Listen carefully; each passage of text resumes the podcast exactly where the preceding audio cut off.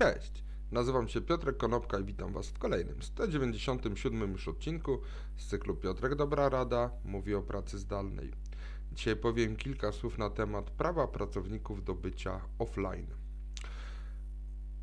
Czy zdarzyło Wam się, że dostaliście maila od swojego szefa bądź od swojego pracownika po godzinach pracy? Czy dostaliście telefon po godzinach pracy bądź SMS bądź jakąkolwiek wiadomość na komunikatorze? Przyjmę, że właściwie każdy z nas spotkał się z taką sytuacją. Zwłaszcza teraz, gdy jesteśmy w trybie pracy awaryjnej w modelu zdalnym, to znaczy zostaliśmy wysłani e, w marcu zeszłego roku nagle wszyscy naraz do pracy z domów, bo najczęściej tak nasza praca zdalna wygląda. Ta interakcja między pracodawcą a pracownikiem po godzinach pracy jest coraz szersza. To znaczy, dawniej było tak, że pracowaliśmy e, wtedy, gdy byliśmy w pracy, gdy przychodziliśmy do biura, gdy z tego biura, z tej pracy wychodziliśmy, przestawaliśmy pracować i kontakty ze strony przełożonych z prośbą o wykonanie czegoś były bardzo incydentalne. Natomiast teraz pojawiły się bardzo często prośby czy polecenia wykonania jakiegoś zadania służbowego, ze, ze strony pracodawców do pracowników, także po standardowych godzinach pracy, ponieważ pracownik tego maila może odebrać zawsze, bo przecież pracuje zdalnie i ma dostęp do wszystkich narzędzi, jak i y, może odebrać połączenie telefoniczne.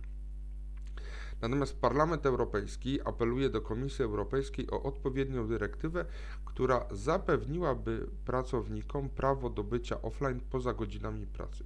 Oczywiście e, Parlament Europejski nie ma inicjatywy ustawodawczej, dlatego prosi Komisję Europejską o wykonanie takiego kroku. W ogóle ten apel e, pojawił się w zeszłym tygodniu 21 stycznia. E, kiedy to Parlament Europejski przyjął w czwartek sprawozdanie dotyczące prawa pracowników właśnie do bycia offline. Jak miałoby to wyglądać? To miałoby wyglądać tak, że pracownicy mieliby kolejną regulację dotyczącą tego, że nie mogą odbierać i nie mogą y, maili, nie mogą odpisywać na maile, a pracodawcy równocześnie mieliby taki zakaz wpisany w odpowiednim prawodawstwie. Ale jeden z ekspertów, jest to e, dyrektor Instytutu Polityki Gospodarczej na Uniwersytecie w Lipsku, e, to pan Schnabl, powiedział, że takie konkretne regulacje mogłyby wpłynąć na zwiększenie kosztów prowadzenia działalności e, gospodarczej. Mogłoby na przykład skutkować to utratą miejsc pracy lub, co bardziej prawdopodobne, obniżenia wynagrodzeń. Natomiast ja się z tym zdaniem nie zgadzam w ten sposób. My, jako pracownicy pracujący zdalnie, musimy mieć prawo do tego wypoczynku. Musimy mieć prawo do rozdzielenia życia prywatnego od życia zawodowego. Najczęściej jest tak, że jeżeli w naszej mentalności, przynajmniej teraz na początku, gdy praca zdalna jest wdrażana, to bardzo często zarówno przełożony, jak i podwładny nie umieją tej pracy zdalnej odpowiednio wdrożyć i nagle się okazuje, że pracownicy pracują dłużej, wykonując te same czynności i pracowni, pracownik jest bardzo przemęczony, pracownik jest wypalony, a to prowadzi do jego absencji. Jeżeli zostaną wprowadzone odpowiednie regulacje, ja te chciałbym, żeby takie regulacje się pojawiły albo samoistnie, albo drogą e, właśnie przepisów e, prawnych, żeby pracownicy mieli prawo do wypoczynku. Ponieważ jakoś nie wierzę w zdrowy rozsądek zarówno pracowników i pracodawców, to uważam, że to powinna być odpowiednia inicjatywa legislacyjna. E, natomiast e, to nie może być tak, że e, tak jak pan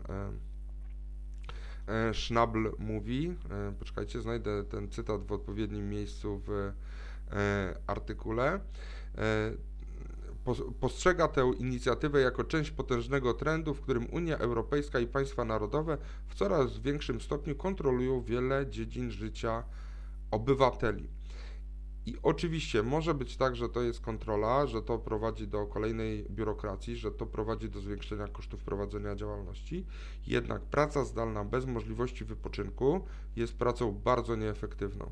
Nawet to moje standardowe powiedzenie, że ja psychicznie przychodzę do pracy w momencie, gdy zakładam koszulę i zakładam krawat i mentalnie oddzielam koniec pracy od początku życia prywatnego po pracy, zdejmując ten krawat, zdejmując tą koszulę, to taka sytuacja jest y, wymagana, żeby pracownicy mogli odpocząć od pracy, a możliwość kontaktu przez pracodawcę z pracownikiem po godzinach pracy powinna być wyjątkiem. Jakie są Wasze przemyślenia na ten temat? Czy to powinno być narzucone z góry ustawowo? I czy na przykład spowoduje rzeczywiście to zwiększenie kosztów działalności i zwiększenie biurokracji? Czy powinno być to mm, oddane do decyzji pracowników, oddane do decyzji pracodawców? Dajcie znać w komentarzach. Dzięki serdeczne, do zobaczenia i usłyszenia jutro. Na razie.